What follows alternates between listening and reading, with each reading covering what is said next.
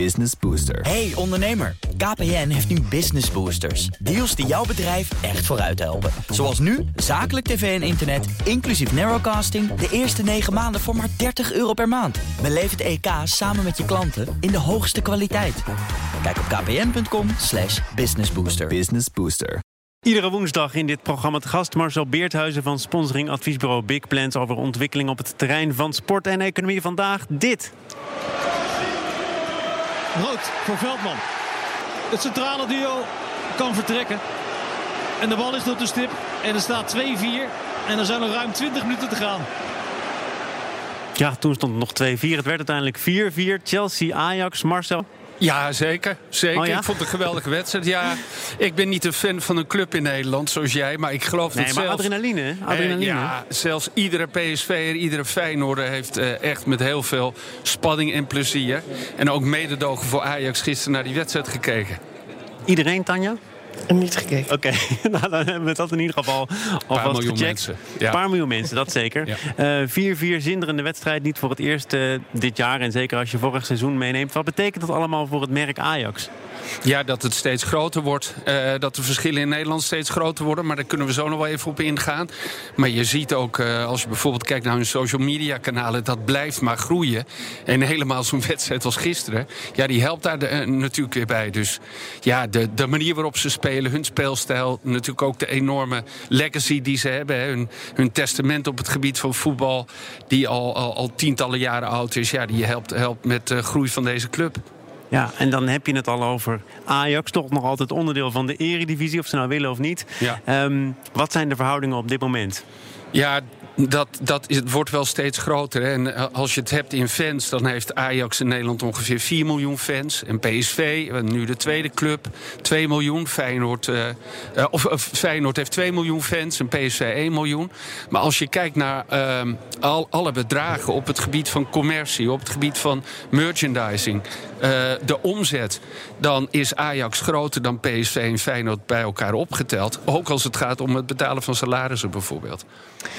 Nou, heb ik eh, als kleine jongen echt ontzettend veel VI's bewaard. En ik, ik kwam daar laatst een keertje die hele verzameling tegen. Het heeft het niet allemaal overleefd. Maar ook een cover met PSV is niets meer in te halen. Er is nu echt iets veranderd.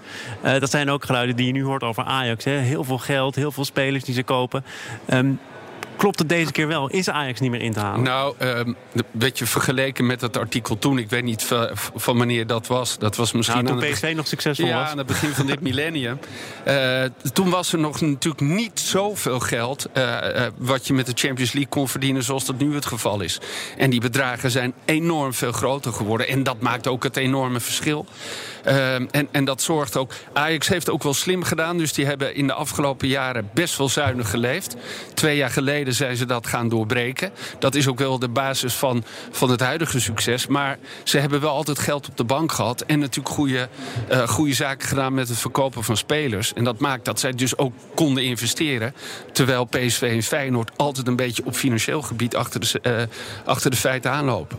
Dan was het verhaal altijd, die competitie van ons, het is niet allemaal even goed, maar het is tenminste wel spannend.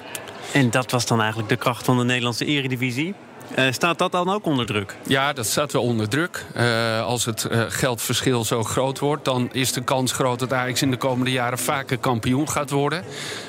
Dat, hè, dat hoeft niet elk jaar het geval te zijn.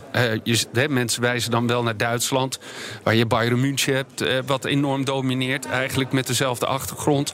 In Italië, Juventus. Op het gebied van fanship ga je wel krijgen dat en meer mensen eh, van Ajax gaan houden. Maar ook meer mensen Ajax gaan haten. Dat zie je dan ook in die andere landen. En, eh, maar spannend blijft het altijd. Het leuke van voetbal is natuurlijk toch elke keer weer dat het onvoorspelbaar is. Dat het spannend is, dat je nooit weet wat de uitslag is. En ook in andere landen zijn er toch altijd nog voorbeelden van eh, clubs en teams met veel minder geld die toch kampioen worden. Dus, maar de kans dat Ajax de komende jaren vaker kampioen wordt, ja, die is wel, dat, eh, Nou hebben de, de, de tegenstanders van Ajax, de haters, hebben ook weer iets in handen waar ze misschien eh, nog een terecht punt mee kunnen maken ook. Want Ajax wilde een mooie sier maken. En wilde vanuit uh, maatschappelijk bewustzijn niet met het vliegtuig, maar met de trein naar Lille.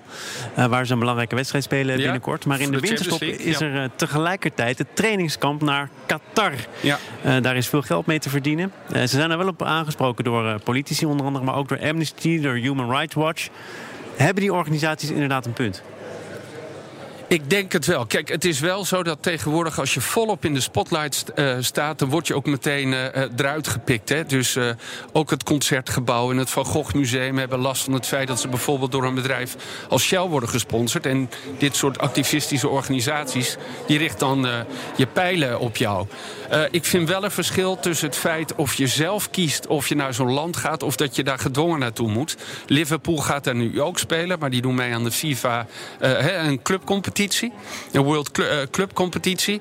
Uh, die hebben al wel gezegd, ja, wij willen niet in dat hotel, dat ene hotel wat ons is toegewezen. Want daar worden, krijgen de werknemers veel minder betaald.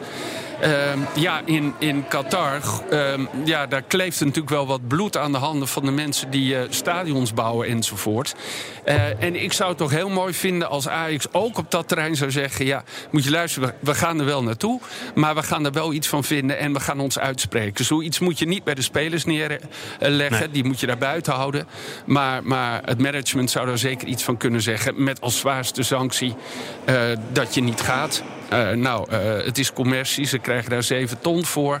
Hebben daar ook twee goede tegenstanders waar ze oefenwedstrijden tegen kunnen spelen. Dus hoe principieel kun je zijn? Maar dat ze iets zouden moeten doen, dat zou ik eigenlijk wel uh, enorm toejuichen als ze dat zouden doen. Marcel Beerthuis, ik ga je volgende week weer toejuichen. Dan zien we elkaar hopelijk in de studio in Amsterdam. Tot dan. Tot dan. Business Booster. Hey ondernemer, KPN heeft nu Business Boosters. Deals die jouw bedrijf echt vooruit helpen. Zoals nu, zakelijk tv en internet, inclusief narrowcasting... de eerste 9 maanden voor maar 30 euro per maand. Beleef het EK samen met je klanten in de hoogste kwaliteit. Kijk op kpn.com businessbooster. Business Booster.